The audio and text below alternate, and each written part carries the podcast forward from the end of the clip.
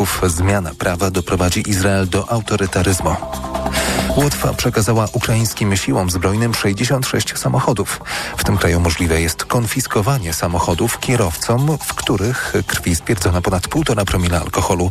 Zgodnie z decyzją władz pojazdy mogą być za darmo przekazywane walczącej z Rosją Ukrainie.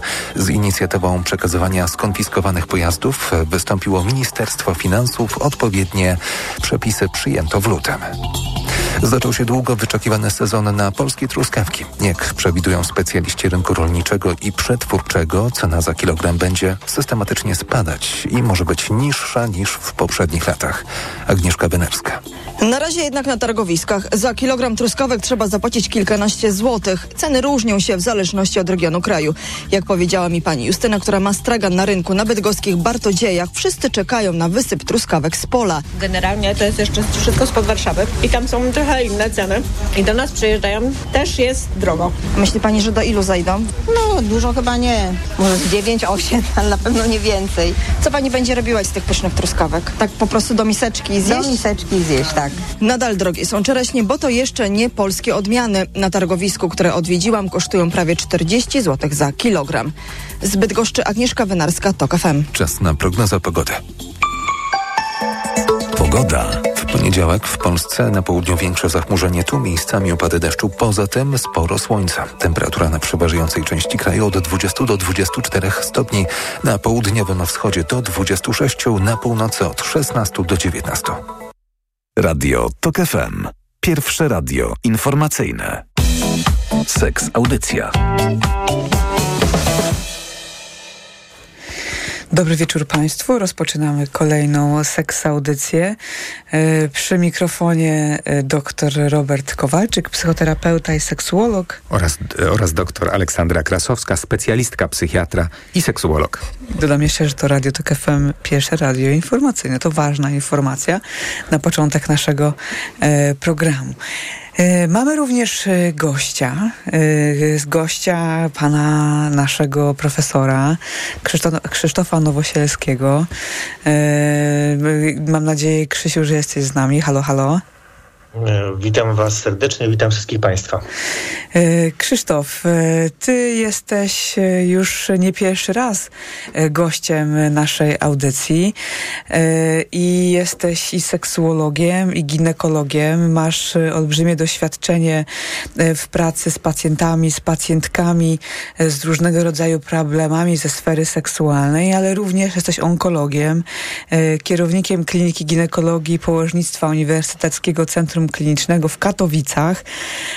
Bardzo się cieszę, że przyjąłeś zaproszenie do naszego programu, a dziś będziemy rozmawiać o cukrzycy cukrzycy i o tym, w jaki sposób cukrzyca wpływa na funkcje seksualne i czy to jest zawsze kłopot, czy, co możemy z tym zrobić, jak sobie z tym radzić. Za chwilę do tego przejdziemy. Program wydaje Karolina Kłaczyńska, realizuje Maciej Golczyński. I teraz jak... Aha, jeszcze od razu podam nam nasz numer telefonu. 22 44 44 044. Już teraz zachęcam Państwa do telefonowania. Jesteśmy dzisiaj na żywo. Można do nas dzwonić do studia. Postaramy się wspólnie, my we dwójkę z Robertem, ale również e, doktor e, Krzysztof Nowosielski, a profesor Krzysztof Nowosielski, przepraszam cię Krzysiu, e, będziemy wspólnie jakoś odpowiadać na pytania. E, 22 44 44 044 i seksmałpatok.fm to nasz adres mailowy. Można też do nas pisać przez media społecznościowe i tam znajdą nas Państwo pod nickiem Seks Audycja na Facebooku i Instagramie. Krzysztof. E, Jeśli po... mogę, tak na początku w ogóle chciałem bardzo Wam podziękować za zaproszenie, bo rzeczywiście jest to temat, który warto poruszać i o którym się niewiele mówi.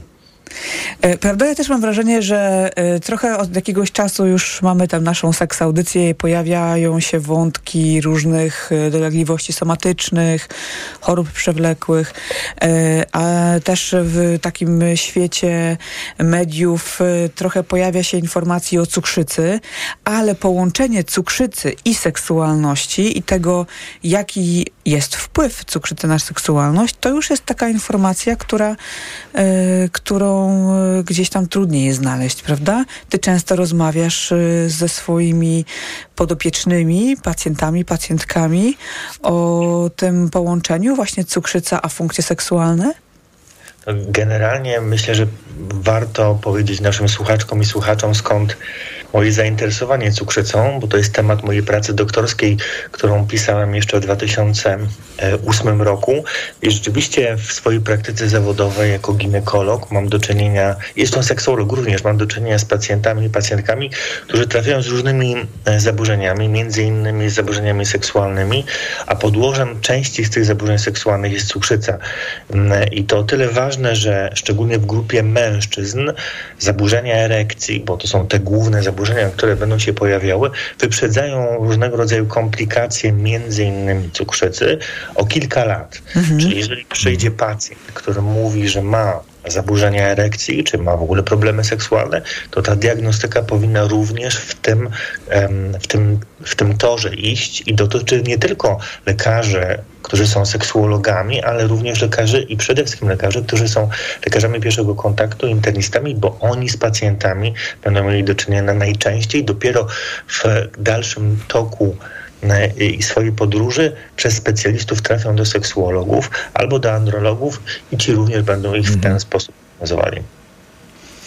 E, więc rozumiem, że wskazujesz na to, żeby nie bagatelizować problemu, jakim w przypadku e, mężczyzn mogą być problemy z erekcją, ponieważ one mogą wskazywać na toczący się proces chorobowy Często mówi się o problemach, y, jeżeli chodzi o układ krążenia, ale y, też pamiętajmy o tym, że cukrzyca z jednej strony będzie wpływała na układ krążenia, ale z drugiej również na y, układ nerwowy. Cukrzyca jest taką chorobą, która wpływa na y, bardzo dużo funkcji naszego organizmu, prawda?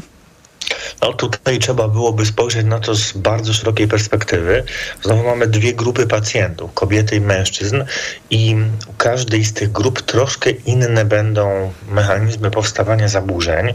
W grupie mężczyzn jest trochę chyba łatwiej, dlatego że rzeczywiście mężczyzna, który ma rozpoczynającą się cukrzycę i ma problemy naczyniowe, bo to będą zaburzenia, które mogą powstawać na podłużu naczyniowym, to znaczy drobne tętniczki, które doprowadzają krew do penisa, która co jest warunkiem prawidłowej erekcji, będą za, zapchane, będą zbyt wąskie. Mhm. Generalnie średnica tych naczyń jest na tyle mała, że zanim pojawią się poważne problemy, takie zdrowotne, czyli na przykład zawał mięśnia sercowego, to już w tych małych naczynkach będą e, blaszki miażdżycowe i one będą powodowały zmniejszenie dopływu krwi. I to jest jakby klucz do zrozumienia, dlaczego u tych mężczyzn pojawiają się najpierw zaburzenia seksualne, które mogą być zignorowane, a później pojawia się zawał mięśnia sercowego. Jakby to jest pierwszy sygnał. Mhm.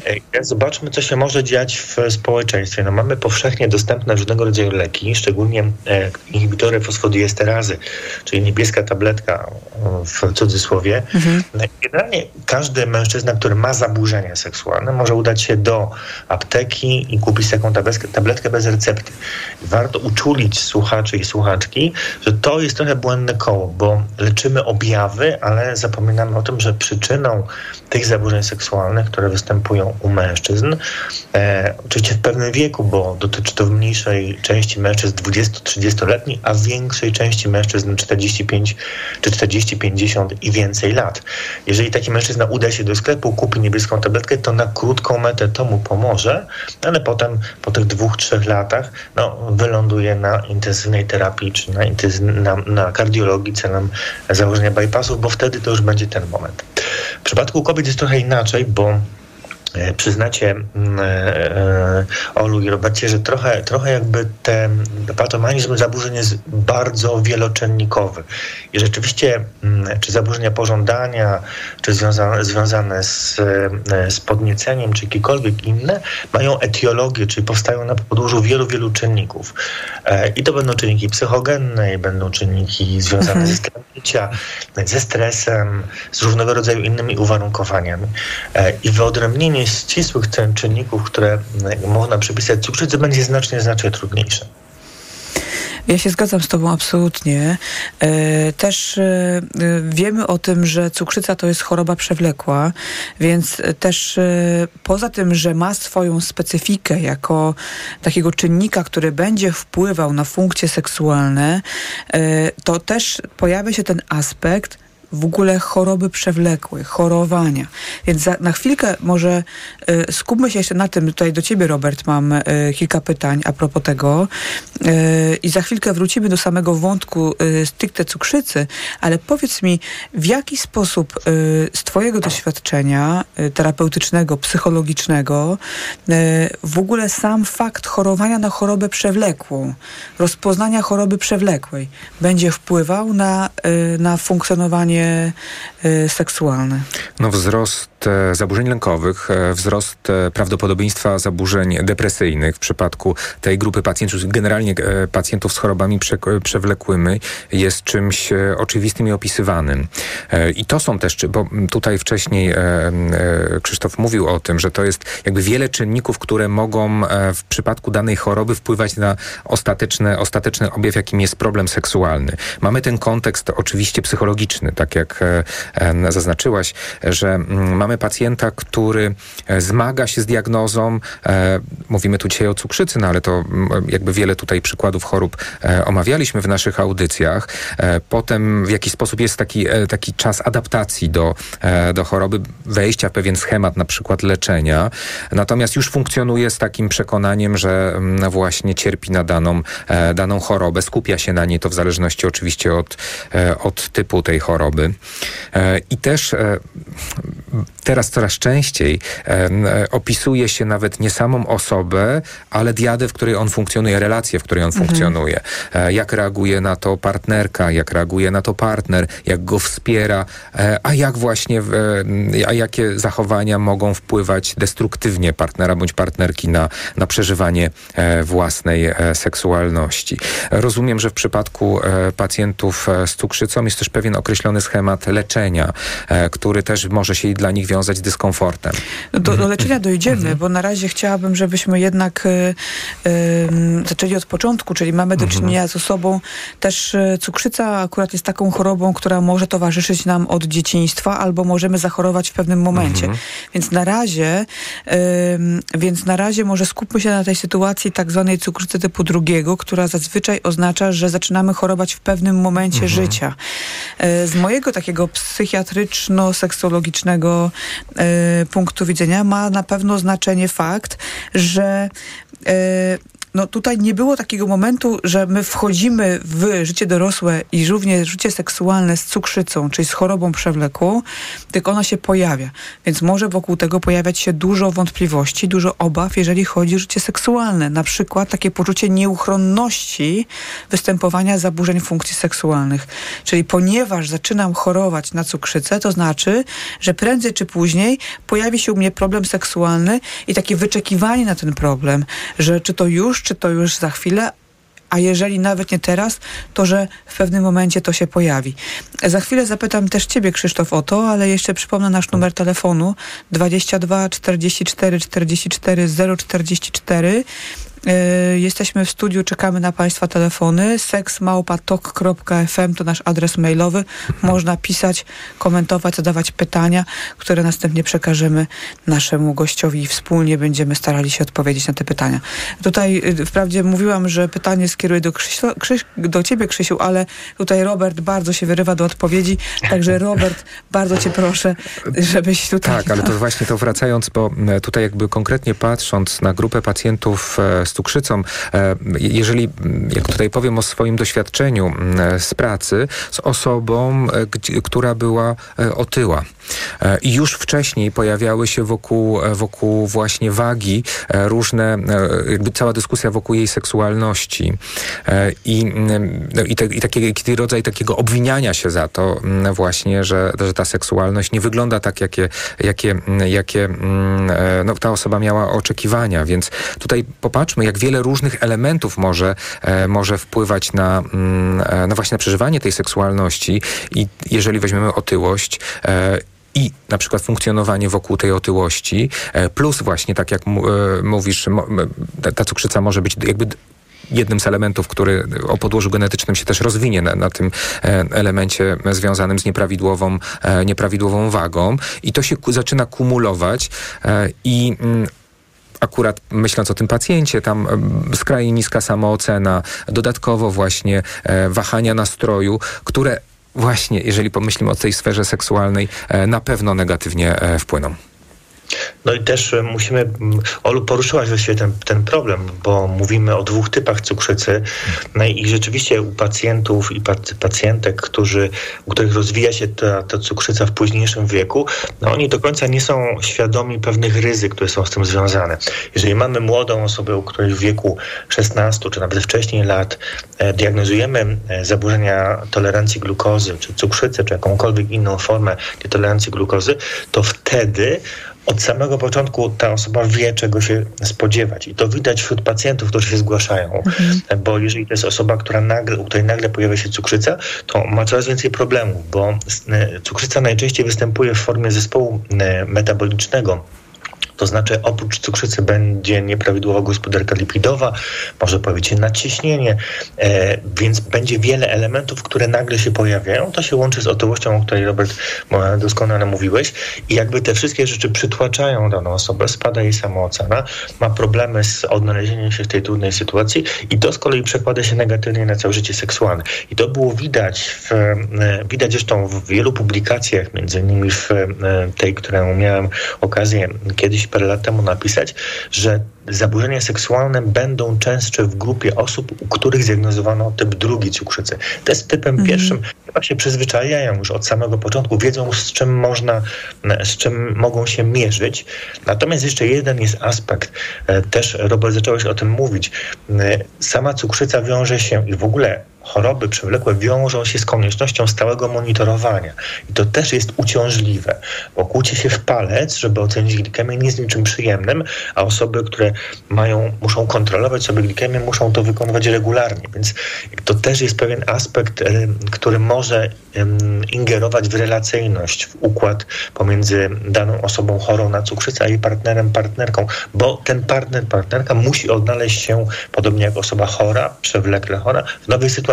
To czasami powoduje, że pojawiają się dysfunkcje seksualne i podłoże jest tutaj mieszane, bo z jednej mhm. strony będzie psychogenne, a z drugiej strony będzie czysto medyczne, e, e, fizyczne, bo będzie związane z cukrzycą. No właśnie, ale może y, jeszcze popatrzmy na, to, na, to, na, to, na tę dynamikę w momencie, w którym jeszcze ta cukrzyca nie zdążyła poczynić takiego spustoszenia w naszym organizmie, ale ta wizja tego, że ona jest, że wiemy, czytamy, w internecie są różnego rodzaju informacje na ten temat, o tym, że ona może negatywnie wpływać na nasze funkcje mhm. seksualne, to też myślę jest takim elementem silnie oddziaływującym na, na, y, na pacjentów i na ich partnerów czy partnerki. Y, to jest, to jest jeden wątek, a drugi wątek, który myślę też warto, warto podkreślić, to w kontekście tego typ pierwszy, typ drugi cukrzycy, cukrzycy to, to, to, co zaczęły, zacząłeś, Krzysiu, rozwijać, że myślę też, że w przypadku typu drugiego pacjenci jednak później zaczynają się leczyć. Że mhm. jednak to nie tylko chodzi o to, że się w pewnym sensie tam przyzwyczajają do tego, ale też, że, że ta cukrzyca być może dłużej y, czyni różnego rodzaju szkody dla naszego organizmu y, y, no i dopiero później jest rozpoznawana. Mhm. Y, I dlatego też y, myślę, że y, to może być takim ważnym elementem, dlaczego w badaniach wychodzi, że w przypadku osób z cukrzycą typu drugiego jednak ta problematyka jeżeli chodzi o sferę seksualną, jest y, y, nieco bardziej wyrażona. Znaczy ja bym chciał wrócić do, bo powiedziałaś ten pierwszy przykład, on dla mnie jest e, szczególnie e, istotny, bo tak jak mówisz, tak jak pewnie Krzysztof też masz takie doświadczenie, że przychodzą do nas pacjenci z gotową diagnozą i pewnym takim determinizmem, że wiadomo, że mhm. będzie ten, przeczytali, e, wrzucili, prawda, seks, cukrzyca, wyskoczyły artykuły, które pokazują jednoznacznie, że, że, że pojawią się problemy i właśnie trochę to, e, no właśnie, czy rzeczywiście tak jest. Powinniśmy się dowiedzieć, e, jaka jest przyczyna tego problemu, czy będzie ten problem e, w rozmowie z lekarzem. I tutaj najlepiej, żeby właśnie na przykład specjalista, który prowadzi danego pacjenta, jakby dostał takie pytanie od niego, na ile. Najgorsze, co się może zdarzyć, to taka autodiagnoza i trochę czekanie na wyrok i czekanie na te objawy, że każdy specjalista, który prowadzi pacjenta, no tutaj mówimy o różnych chorobach przewlekłych, e, tu dzisiaj o cukrzycy, no ale generalnie powinien dostać takie pytanie, czy, czy e, no, jakby to jest jasne, że, że, że, że takie pytania są i też e, jeżeli mamy jakąkolwiek wątpliwość, przeczytaliśmy coś, to jednak powinniśmy to zweryfikować ze specjalistą, bo to, co ty, ty mówisz, Olu, czy ty, Krzysiu, że przyczyna może być rozłożona. To nie jest tak, że e, 100% pacjentów z cukrzycą będzie miało problem z erekcją. No nie. Mówimy o do 60%, w innych badaniach, że Ponad mniej. połowa. Ponad połowa. E, I, i, i a jeżeli problem się pojawi, no to właśnie powinien przede wszystkim w, do, w dobry sposób zdiagnozowany.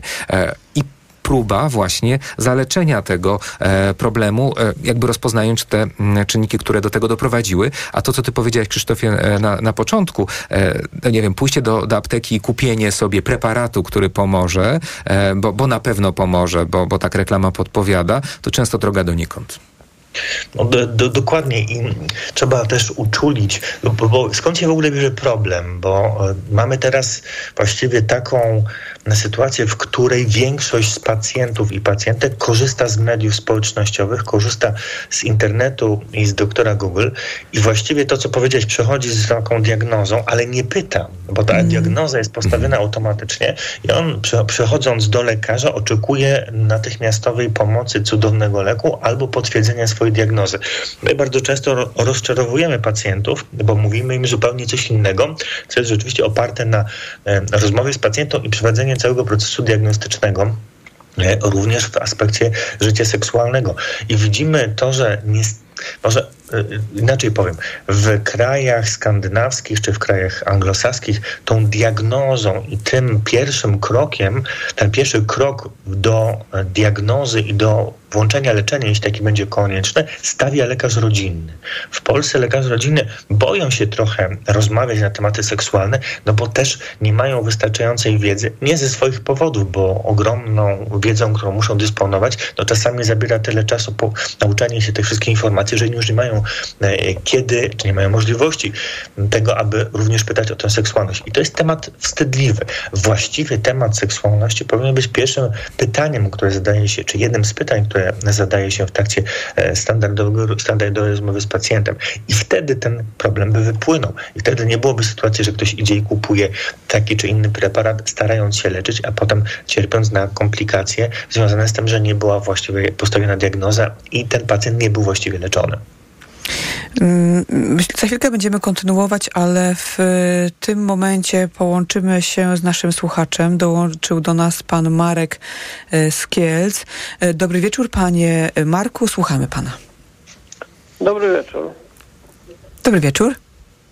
E, Ja mam taką sprawę, bo e, zwód mam jako taki, tylko że nie mam wytrysku i czy to jest związane z cukrzycą, bo leczę się na cukrzycę, mam e, takie spadki cukru do 110. No i chciałem się dowiedzieć, czy to może być związane z tym. Okej, bardzo dobre pytanie. Y, y, Krzysztof, y, bardzo proszę. Jest to jedna, jest to jedna z możliwych powikłań długo e, leczonej cukrzycy, no ale tutaj znowu e, na antenie nie jesteśmy w stanie dokładnie tego zdiagnozować, bo wymaga to jednak rozmowy i kontaktu ze specjalistą seksuologiem albo z andrologiem, no, który prześledzi cały przebieg cukrzycy, wykona też badania, zobaczy, co tak naprawdę się dzieje, to znaczy, czy ta stymulacja jest wystarczająca, e, rozważy różne konteksty stymulacji i wtedy będzie panu mógł pomóc.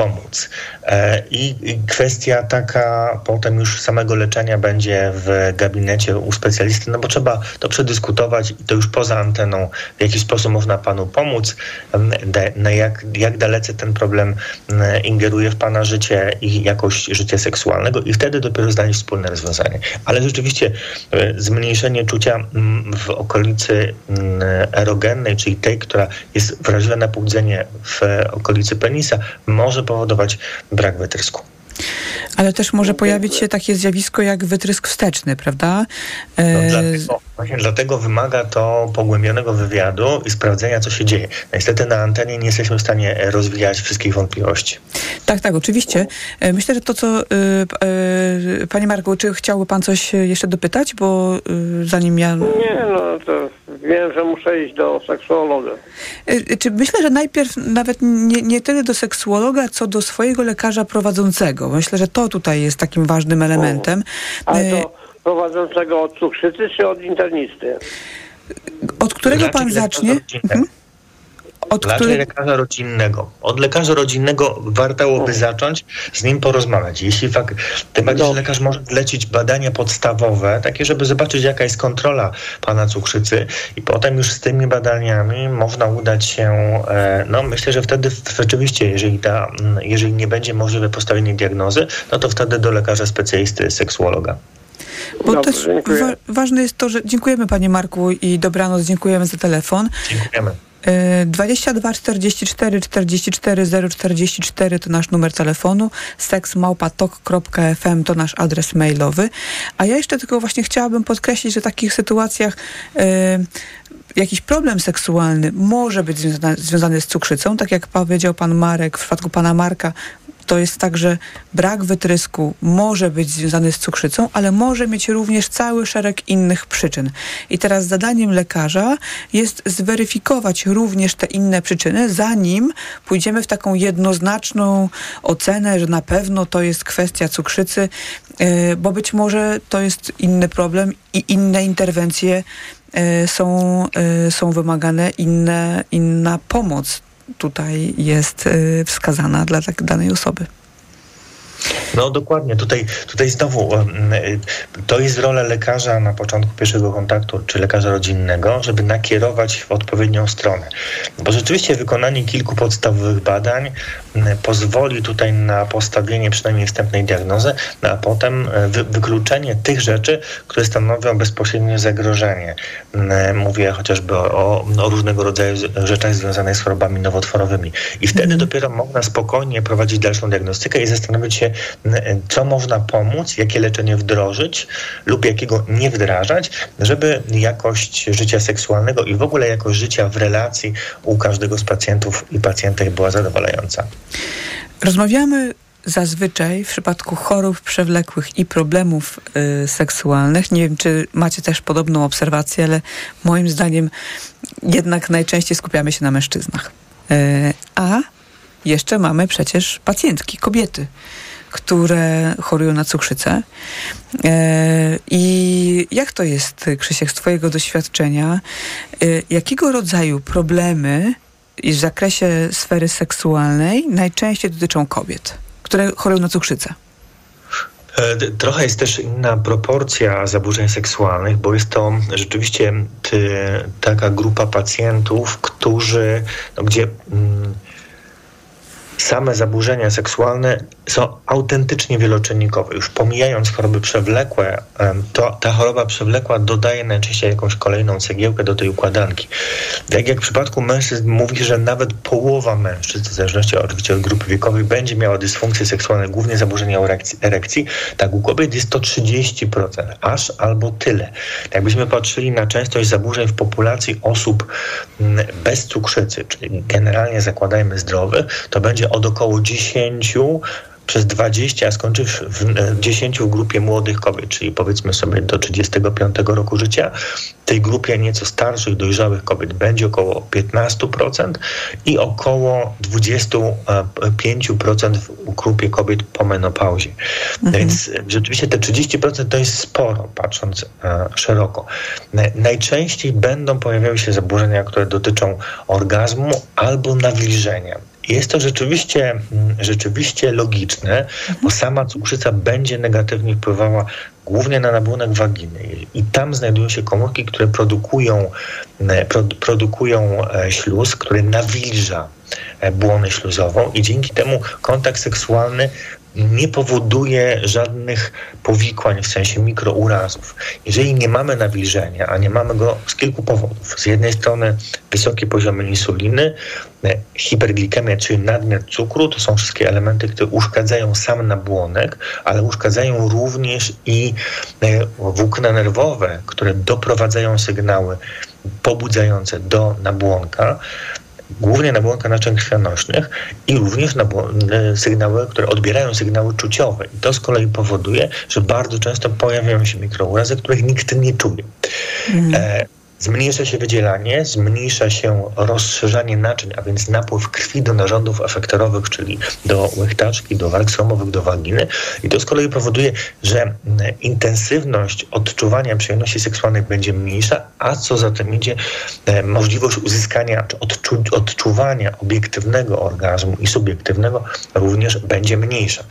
Do tego jeszcze dochodzi jeden element, te mikrourazy, które będą powstawały i e, zwiększenie zwiększenie stężenia glukozy w, wydzieliny, w wydzielinie waginalnej zwiększają ryzyko grzybicy. Mm. To też jest czynnik ryzyka tego, że dana osoba nie będzie miała ochoty na kontakty seksualne, będzie miała awersję. To z kolei powoduje na zasadzie takiego e, modelu unikania czynników ryzyka, e, zaniechanie kontaktów seksualnych, no a potem rzeczywiście już e, to koło się zamyka no i pojawiają się już dysfunkcje seksualne na każdym z poziomów.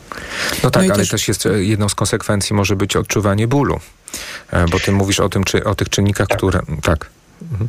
Tak, bo teraz e, jakby musimy zobaczyć, na którym etapie jesteśmy. Jeżeli mamy mikrourazy, no to rzeczywiście będzie suchość i będą dolegliwości bólowe, ale z czasem może dojść do takich dysfunkcji czuciowych, że mimo tego, że będą mikrourazy, nie będzie dolegliwości bólowych, ale z kolei nie będzie absolutnie e, też odczuwania przyjemności spowodowanej tym, że włókna nerwowe są rzeczywiście uszkodzone. Więc wszystko zależy od tego, na którym etapie rozpatrujemy cukrzycę. To będzie wczesny etap dobrze kontrolowanej cukrzycy, czy już późny etap, gdzie rzeczywiście dysfunkcja dysfunkcje, czyli urazy naczyń włókien nerwowych są dość duże. Ale też nie, nie patrzyłbym na to aż tak bardzo mm, biologicznie, bo de facto tych czynników, które wpływają na e, zaburzenia seksualne, głównie zaburzenia pożądania i zaburzenia orgazmu, będzie więcej i one skupione są na tym, o czym Robert, ty doskonale mówiłeś, czyli lęk, przed chorobą, e, to fatum choroby przewlekłej, no i zaburzenia nastroju, obniżenie nastroju, które będą się na czoło wysuwały, wysuwały, bo te zaburzenia nastroju są bardzo częste, czy może są częstsze u pacjentek z cukrzycą niż u innych populacji kobiet, które nie cierpią na choroby przewlekłe. Kobiety też e, w badaniach, jak e, analizowałam, przygotowywałam się do, dzisiejszego, do dzisiejszej rozmowy, kobiety też, e, zwłaszcza te, u których rozpoznano cukrzycę na późniejszych etapach życia, czyli te, które zaczynają chorować na tak zwaną cukrzycę typu drugiego, to są też kobiety, które zwracają uwagę na pogorszenie jakości związku, pogorszenie relacji, która jest w związku. Więc nawet jeżeli tutaj jest ta kwestia wieloczynnika, czynnikowego podłoża samego, y, samej dysfunkcji seksualnej, to jednak w tych badaniach one są publikowane od lat 80. takie obserwacje, że gdzieś one od, mówią o tym, że one się gorzej czują w seksualności, same ze sobą się gorzej czują w seksie, y, gorzej oceniają siebie jako partnerki seksualne, gorzej oceniają jakość życia seksualnego, ale również postawa partnera jest dla nich y, no, często rozczarowująca i taka zniechęcająca do tego, żeby podejmować e, kolejne, e, kolejne zbliżenia. E, ty, to, to jest wstęp do takiego dłuższego pytania, czy może dłuższy wstęp do pytania, o tak powinnam mhm. powiedzieć. Czy ty rozmawiasz zazwyczaj z samym pacjentem, czy z samą pacjentką, co do jakości życia seksualnego w cukrzycy, czy raczej przychodzą do ciebie pary? To też zależy od tego, na ile możemy pomóc poprzez samą rozmowę. Bo jak obserwujemy badania i swoją własną praktykę, to wiele z elementów, które związane są z seksualnością i zaburzeń tych elementów wynika z pewnego um, nieprawidłowego spojrzenia na to, co się dzieje. Bo rzeczywiście powiedziała poruszać jedną bardzo ważną kwestię. E, część tych zaburzeń seksualnych występujących z cukrzycy wynika ze zmiany postrzegania obrazu własnego ciała. I my z Robertem też mieliśmy um, możliwość walidowania e, skali, która ocenia i w ogóle badania tego zjawiska, bo rzeczywiście im jesteśmy starsi, tym obraz naszego ciała się też zmienia i im jesteśmy bardziej chorzy, czy jesteśmy w ogóle mhm. chorzy, to ten obraz ciała nam się staje coraz bardziej negatywny. Chociażby przez to, że trzeba przyjmować leki, jest otyłość, są inne problemy związane z powikłaniami cukrzycy. Ale to jest jakby jeden aspekt. E, I to, to jest coś, co, z czym można pracować z pacjentem i rzeczywiście, jeżeli ja nie jestem w stanie przeprowadzić takiej rozmowy i pomóc, odsyłam do moich koleżanek, kolegów, psychologów, którzy prowadzą dalej tą terapię i starają się, tutaj Robert będziesz myślę bardziej kompetentnym, żeby ten temat rozwinąć, jakby pomóc naprawić to spojrzenie na swoją własne, własną osobę pod względem seksualnym. O tym też mówiłeś już dzisiaj. Jest jeszcze jeden aspekt, to co podkreśla wiele badań i gdzie też trochę małą cegiełkę do tego dołożyłem, to jest postrzeganie seksualności, czyli to, jak ważny jest dla mnie osobiście kontakt seksualny, bo jeżeli on jest ważny, to ryzyko zaburzeń seksualnych w ogóle będzie mniejsze, niezależnie od tego, e, czy jesteśmy zdrowi, czy nie mamy innych chorób, czy mamy cukrzycę, czy mamy chorobę nowotworową i tak dalej. To jakby ktoś chciał walczyć o to, żeby ten seks był fajny. I ostatni, czy jeden z, z kolejnych elementów, to jest to, jak e, kobieta postrzega swojego partnera w roli kochanka. To jest to, o czym ty mówiłaś, czyli czy ten partner, partnerka no, będą zaangażowani, czy to są takie kłody, które tylko leżą i czekają, aż coś się będzie działo, czy to są osoby aktywne, które będą starały się ten płomień seksualny rozbudzić, czy pielęgnować, czy na nowo wzbudzać, no czy coś z siebie dać. I od tego zależy to, w jaki sposób dana osoba będzie reagowała e, e, na samą chorobę i jaki, w jaki sposób jej funkcje seksualne będą zachowane lub nie będą zachowane, już pomijając samą chorobę i wszystkie rzeczy, które są z tym związane. Mhm. Ja właśnie w, jakby w praktyce terapeutycznej, poza tymi czynnikami, o których ty, Krzysiu, mówiłeś, dużo pracuję nad, nad poczuciem odzyskania kontroli, bo szczególnie na tych pierwszych etapach jest takie, takie przekonanie, że to choroba mi coś za zabiera i ja nie mam na to zupełnie już wpływu. E, czyli, czyli to się już stanie, jest jakiś determinizm, to będzie już coraz gorzej. E, mnóstwo jest takich przekonań i praca z tymi przekonaniami i właśnie to odzyskanie kontroli e, często też jest takim początkiem e, pracy e, z seksualnością w ogóle. Bo to, co ty mówisz, e, bo co, co mówicie, ty też, Olu, pewnie masz doświadczenie, jakby patrząc tu z punktu widzenia psychiatrycznego, no mamy tu zaburzenia depresyjne, mamy lęk, mamy zaburzenia wokół obrazu ciała, e, pojawia się też e, choroba przewlekła, cały konglomerat czynników, e, które, które indukują takie przekonanie, że to już nic ode mnie nie zależy. I to chęć odzyskania, czy, czy praca nad odzyskaniem kontroli, rzeczywiście mam wpływ, mogę czuć się atrakcyjna, mogę być atrakcyjna, jest, jest, takim, ele, jest takim elementem no, niezbędnym, żeby na tym zbudować później te ten to pozytywny stosunek do tej seksualności, że ona też e, może być. Bo jeżeli ja będę miał przekonanie, że no tak, no wkrótce e, pojawią się problemy, nie wiem, e, z pożądaniem, problemy z erekcją, to też mogę się bać w ogóle podejmować zachowania seksualne, żeby się właśnie nie konfrontować z czymś, co może być dla mnie trudne. No i też i też e, jeszcze jest kwestia tego zmotywowania, bo to o tym ty, ty mhm. Robert, doskonale mówisz, e, zmotywowania pacjenta do tego, aby e, wziąć się za siebie, mówiąc kolokwialnie, bo to widać też wśród pacjentów i pacjentek, którzy cierpią z powodu otyłości. Zmotywowanie ich do tego, aby coś z sobą zrobili, jest niesłychanie trudne i bardzo często wymaga też psychoterapii, żeby, żeby oni znaleźli w sobie taką iskrę czegoś, co ich popchnie dalej i oni zaczną rzeczywiście się leczyć, bo e, potem utykamy na takiej sytuacji, że widzimy się na wizytach kontrolnych, pytamy się, czy odrobiona została praca domowa w, w sensie ćwiczeń i czy pracy w, w parze, a nagle dowiadujemy się, że to nie zostało zrobione, no bo nie było czasu na przykład. To jest kwestia motywacji. Ale jeszcze wrócę, Olu, do twojego pytania. E, ta edukacja jest bardzo ważna i jeżeli rzeczywiście sama edukacja przyniesie efekt, a tak jest w dużej części przypadków, e, to wizyta partnera czasami jest bardzo stresująca i nie jest aż tak bardzo konieczna. Ale jeżeli problem jest głębszy, a to też widać, jeżeli to jest problem w relacyjności albo rzeczywiście w rozmowie z pacjentką widać, że ten partner będzie tam, to nie będzie ten partner, którego ona oczekuje, to wtedy zgodnie z regułą konsultacji seksuologicznych proszę o przyjście pary i wtedy zaczynamy wspólnie na ten temat dyskutować i ta terapia już dotyczy pary. Bo rzeczywiście włączenie partnera e, czasami nawet jeżeli nie ma jakichś głębokich zaburzeń, jest bardzo pozytywne, bo on wtedy widzi, e, jaki jest problem i jak on może pomóc, co musi z siebie dać, żeby jego partnerka znowu poczuła się atrakcyjna, znowu poczuła się kobieco, znowu e, zauważyła czy odczuła w sobie ten żar pożądania, który kiedyś był, a który gdzieś w toku lat i w toku choroby, którą nie zdiagnozowano, gdzieś przygasł. Więc te, ten partner, partnerka e, rzeczywiście będą takim wsparciem i to warto odbudować na takiej wspólnej wizycie. 22 44 44 044 to nasz numer telefonu.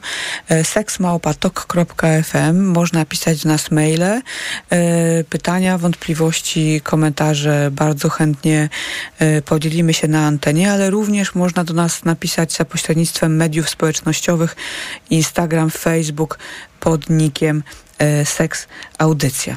E, Robert, trochę e, do ciebie, ale również do, do Krzyśka.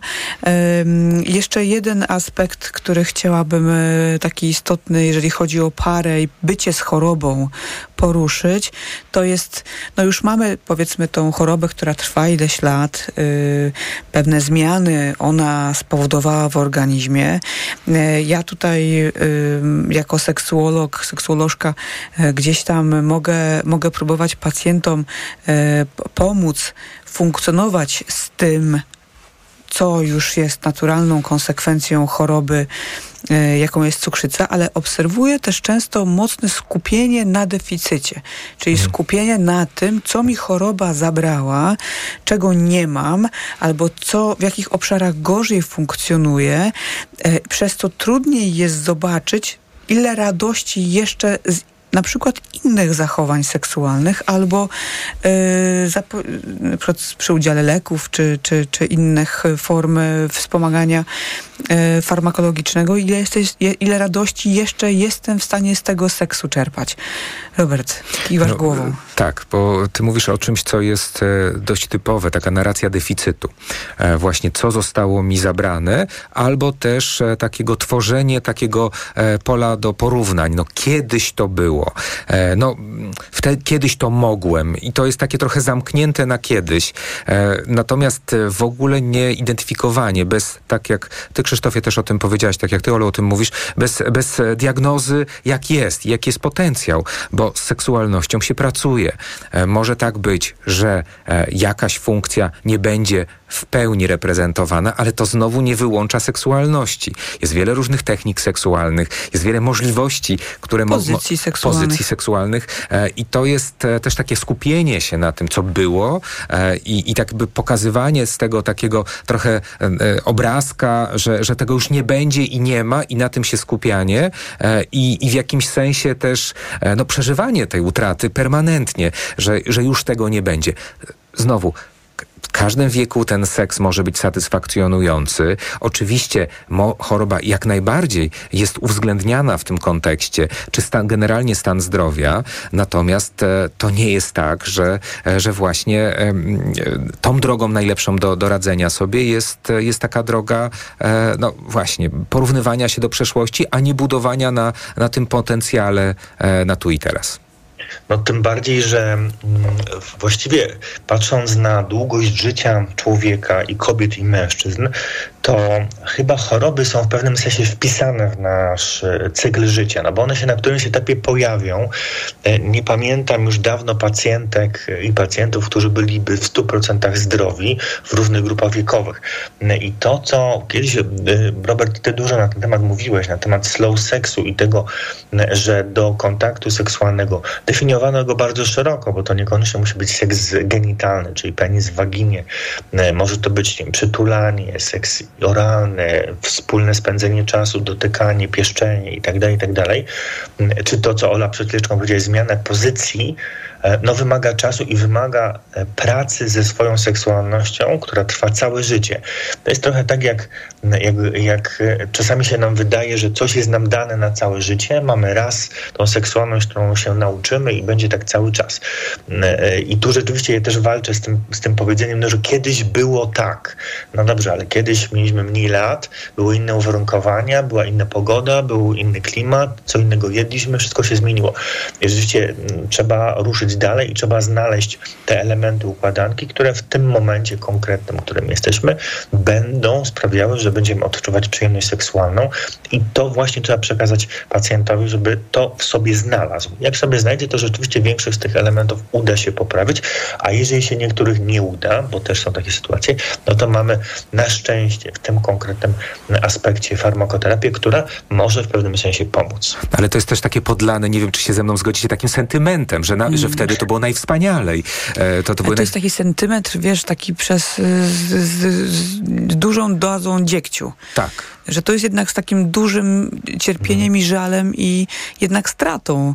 E, no, ale tak, ale nie, ale ja mówię, że też takiego malowanie takiego obrazka, że, że w tej młodości to w ogóle wszystko było super, mhm. że to było w ogóle najpiękniejszy, najwspanialszy czas, a teraz to tylko znój i rozwiane marzenia. No właśnie tak nie jest. I jak popatrzymy też na to, nawet na, na, na to, jak badamy osoby, które są młode, to też jakby mówią, że wcale ten, no, no nie wiem, nie, to nie jest tak, że to jest, naj, no może nie mają jeszcze porównania, natomiast nie przeżywają tego, że to jest rzeczywiście najlepszy dla nich okres, bo jest wiele też e, wyzwań, które się w tym wieku pojawiają. I to, co chciałbym powiedzieć, w każdym wieku są te wyzwania, tylko, tylko też no, no inaczej są rozłożone. I to nie znaczy, że, że, na, że to właśnie takiego tworzenie takiego obrazka, bo z reguły co do przeszłości jest taka tendencja do, do koloryzowania, tak, idealizowania i koloryzowania, e, a wcale tak, e, tak e, może nie być, czy nie było. I rzeczywiście ja w, takim, w takiej pracy terapeutycznej, jeżeli pracujemy już na jakichś scenariuszach, to się okazuje, że no, no to wcale nie było tak idealnie. I te, często osoby mówią, szczególnie dojrzalsze, że właśnie seks im daje, e, z wiekiem da, zaczął im dawać e, więcej satysfakcji, bo był bardziej świadomy. E, i, I ten czynnik jak najbardziej można pielęgnować. No i to, to jest jakby jedna kwestia, a druga kwestia to takie realne spojrzenie na życie i realne oczekiwania co do terapii i do tego, czego dana para oczekuje. No bo rzeczywiście, jeżeli ktoś będzie mówił o tym, że tak, tak cudownie było w młodości i chce, żeby było tak samo, no to tak samo nie będzie, bo jesteśmy inni, zmieniamy się. Będzie inaczej, nie znaczy, że będzie gorzej, ale nigdy nie będzie tak samo. I to jest jakby punkt, na który trzeba też położyć duży nacisk i, i też informować, mówić o tym, e, cały czas edukować, że trzeba po prostu pracować nad swoją seksualnością w zmieniających się warunkach e, rzeczywistości. To, co było dawniej, było cudowne, wspaniałe na tamten moment. Teraz czekają nowe wyzwania, które, które dadzą też dużo przyjemności przyjemności i świadomego seksu, który rzeczywiście im jesteśmy dojrzalsi, tym jest bardziej, e, może być bardziej udany i bardziej satysfakcjonujący. Myślę, że zgodzimy się wszyscy, że takim podstawowym czynnikiem zapobiegającym problemom seksualnym w przypadku cukrzycy jest dobrze leczona cukrzyca. Prawda? Tutaj myślę, tak. że nie jest to jakaś y, szczególnie odkrywcza rzecz, którą powiedziałam, ale y, żeby I wcześniej dobrze... zdiagnozowana i, i wcześniej tak, dobrze tak. leczona, wcześniej zdiagnozowana, e, ale co oznacza, że ta cukrzyca jest czymś leczona. E, I jest taka fama, e, i często bardzo słuszna, i taka opinia, że jeżeli się bierze leki, to te leki na pewno będą negatywnie wpływały na funkcje seksualne. Tymczasem tutaj do ciebie, Krzysztof, od razu kieruję mhm. pytanie. Ta sytuacja, jeżeli chodzi o leki stosowane w cukrzycy, wcale nie jest taka jednoznaczna i wcale nie jest tak jednoznacznie negatywna. Zgadza się. Zacznijmy od początku, czyli od tej diagnozy. Rzeczywiście, jeżeli mamy kluczem, kluczem do prawidłowego funkcjonowania efektorowego, czyli narządów rozrodczych, mówię o waginie, o łechtaczce, o wargach słomowych, o penisie, jest stan naczyń krwionośnych. Jeżeli, jeżeli cukrzyca nam zniszczy te naczynia krwionośne, no to żaden lek, z wyjątkiem protez u mężczyzn, no nie będzie w stanie odbudować tego, co jest konieczne do tego, aby mogła nastąpić reakcja na bodziec seksualny. I to jest właśnie ważne, żeby kontrolować się cały czas. I rzeczywiście, jak sobie patrzymy na różnego rodzaju programy, no to są programy, które są przeznaczone dla każdej grupy wiekowej. I każdy z nas od 25 roku życia powinien co roku oznaczyć sobie morfologię i poziom glukozy jednorazowo, przypadkowo. I to już będzie ten, ten element, który pozwoli uchronić bardzo dużą grupę osób przed różnego rodzaju nowotworami i przed tą właśnie cukrzycą, no, której jest bardzo dużo w populacji polskiej i zagranicznej. Natomiast jeżeli już mamy tą cukrzycę, no to trzeba przyjąć leki i właściwie są leki, które zmniejszają, uwrażliwiają tkanki na insulinę albo zmieniają metabolizm insuliny, albo zresztą jest to sama insulina. I nie ma żadnych badań, które powiedziałyby, że przyjmowanie któregokolwiek z tych leków, również liraglutydów, czyli nowych leków, z, które przyjmuje się w postaci iniekcji i one rzeczywiście bardzo ładnie e, normalizują masę ciała i zmniejszają tą insulinoporność i poprawiają cukrzycę, leczą cukrzycę, żeby każdy z tych leków wpływał w jakiś sposób na cukrzycę. Wprost przeciwnie, badania mówią, że ten wpływ jest raczej pozytywny, to znaczy przyjmowanie leków powoduje, że ta seksualność jest lepsza i e, rzeczywiście satysfakcja z kontaktów seksualnych czy funkcje seksualne się poprawiają. Rzeczywiście takie, takim badaniem, które y, wskazało jakąś istotną różnicę, jeżeli chodzi o leczenie cukrzycy, to była forma podawania insuliny, przynajmniej to, co ja znalazłam. Rzeczywiście lepiej pod względem seksualnym funkcjonowały osoby, które przyjmowały insulinę w postaci pompy, y, a nie w postaci iniekcji wielokrotnych w ciągu dnia. Y, natomiast to też nie, nie wiązało się z samym działaniem insuliny, tylko najprawdopodobniej z tym z schematem, tak. z komfortem. Tym bardziej, że wyobraźcie sobie sytuację, kiedy no, trzeba regularnie tą insulinę przyjmować po każdym posiłku, rano, wieczorem, kilka iniekcji. Raz, że rzeczywiście człowiek jest już zmęczony tymi samymi iniekcjami, a ja też pamiętam jeszcze, czy mam pacjentki, które pamiętają czasy, kiedy nie było jednorazowych e, insulinówek, czy nie można było sobie na peni ustalić, tylko trzeba było gotować strzykawki w, i je odparzać i z ampułki pobierać insulinę. To jeszcze były zamieszłe czasy. No teraz są pompy, więc to w ogóle ten, to podawanie jest wyeliminowane, pompa robi za nas wszystko. I rzeczywiście samo podawanie i konieczność stałej kontroli i myślenie o tym powodowało, że te myśli odbiegały gdzieś, a czy na przykład w czasie aktywności seksualnej nie wpadnę w hipoglikemię, no bo mm. przecież to jest ogromny wysiłek fizyczny, e, a skończywszy na tym, że przecież jest godzina 20, a muszę sobie wstrzyknąć insulinę, a nie wstrzyknę, to może mi się coś stać. I to były te, te, te, te kwestie lękowe, które powodują zaburzenia seksualne w tej grupie. Pompy to rozwiązały, bo rzeczywiście nie ma takiego problemu, a tabletki też rozwiązują no bo ta kontrola jest naprawdę całkiem niezła. Tym bardziej, że sama kontrola jako taka nie jest e, o takim ogromnym czynnikiem determinującym funkcje seksualne, szczególnie grupie kobiet. Są inne czynniki, które są związane z tymi rzeczami, o których mówiliśmy, wpływające na, na to, że te zaburzenia seksualne mogą się pojawić. Myślę, że kluczowym takim elementem, e, który, który tutaj bardzo bym chciała podkreślić, jest to, że Y, właśnie to cukrzyca jest y, przede wszystkim nieleczona, nie, nie, nie, nie, niedodiagnozowana, nieprawidłowo leczona cukrzyca jest y, zagrożeniem dla naszej seksualności, a nie leki.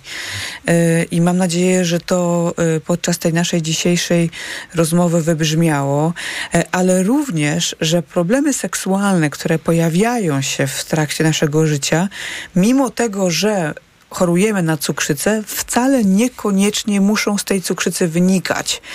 E, a jeżeli nawet w jakiejś części, to, to, to wcale nie oznacza, że jest to całokształt problemu i że być może są takie sfery, którymi jak się zajmiemy na przykład z udziałem terapeuty, psychoterapeuty i lekarza innych lekarzy innych specjalności, to że to życie seksualne jesteśmy w stanie poprawić. Robert, minuta dla ja Ciebie takiego wrócił do tego, do tego, co powiedzieliśmy też na początku i chciałbym to jeszcze raz podkreślić, że cukrzyca zwiększa ryzyko pojawienia się zaburzeń seksualnych, a nie jest tak, że na pewno je wywoła. E, I aby e, jakby rozpoznać też, e, jakby w jakiś sposób zbadać to ryzyko, to właśnie powinniśmy o to zapytać lekarza, który nas e, prowadzi. I on jest doskonałym adresem, żeby te pytania zadać. Krzysztof, takie słowo od ciebie podsumowujące dzisiejszą rozmowę. E, Ja bym chciał podkreślić kilka rzeczy. Pierwsze to, żeby rzeczywiście badać się regularnie i obserwować swoje własne ciało. E, Drugie, jeżeli ktoś jest chory na cukrzycę, chory przewlekle, to powinien przyjmować regularnie leki, kontrolować je i pytać o seksualność. A trzecie, powiem z też własnego doświadczenia i z tego, co mówi literatura, że czasami cukrzyca de facto rozpoznana i, na, i zaburzenia seksualne, które pojawiły się przy, przy, w przebiegu tej cukrzycy mogą uratować nie jeden związek, bo jest to taki moment, w którym zaczynamy analizować, co może lepiej funkcjonować w danym związku, w danej relacji i rzeczywiście poprawa kilku tych małych klocków, przełożenie, ułożenie ich w inny sposób powoduje, że para wraca i mówi, że to był ten przełomowy moment, kiedy oni się bardziej do siebie zbliżyli i ten seks jest naprawdę bardziej satysfakcjonujący. Więc nie miejmy takiego wrażenia, że ktoś, kto ma cukrzycę, to jest skazany na dysfunkcje seksualne i zaburzenia seksualne. Nie. On jest w grupie ryzyka, ale to de facto może bardzo poprawić jego życie seksualne. Wystarczy tylko chcieć mieć tą taką chęć do, do poprawy, rozmawiać, pytać. A od tego są specjaliści, m, e, e, którzy pomogą i poradzą. No i wtedy ten Dzięki. seks jest naprawdę przyjemny. Dziękujemy bardzo. Słuchali Państwo Seks Audycji. Naszym gościem był profesor Krzysztof e, Nowosielski. Program wydawała Karolina Kłaczyńska, realizował Maciej Golczyński.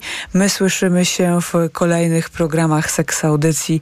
Kolejny program już za tydzień. Wszystkiego dobrego, dziękujemy i dobranoc. Dobranoc. Seks Audycja.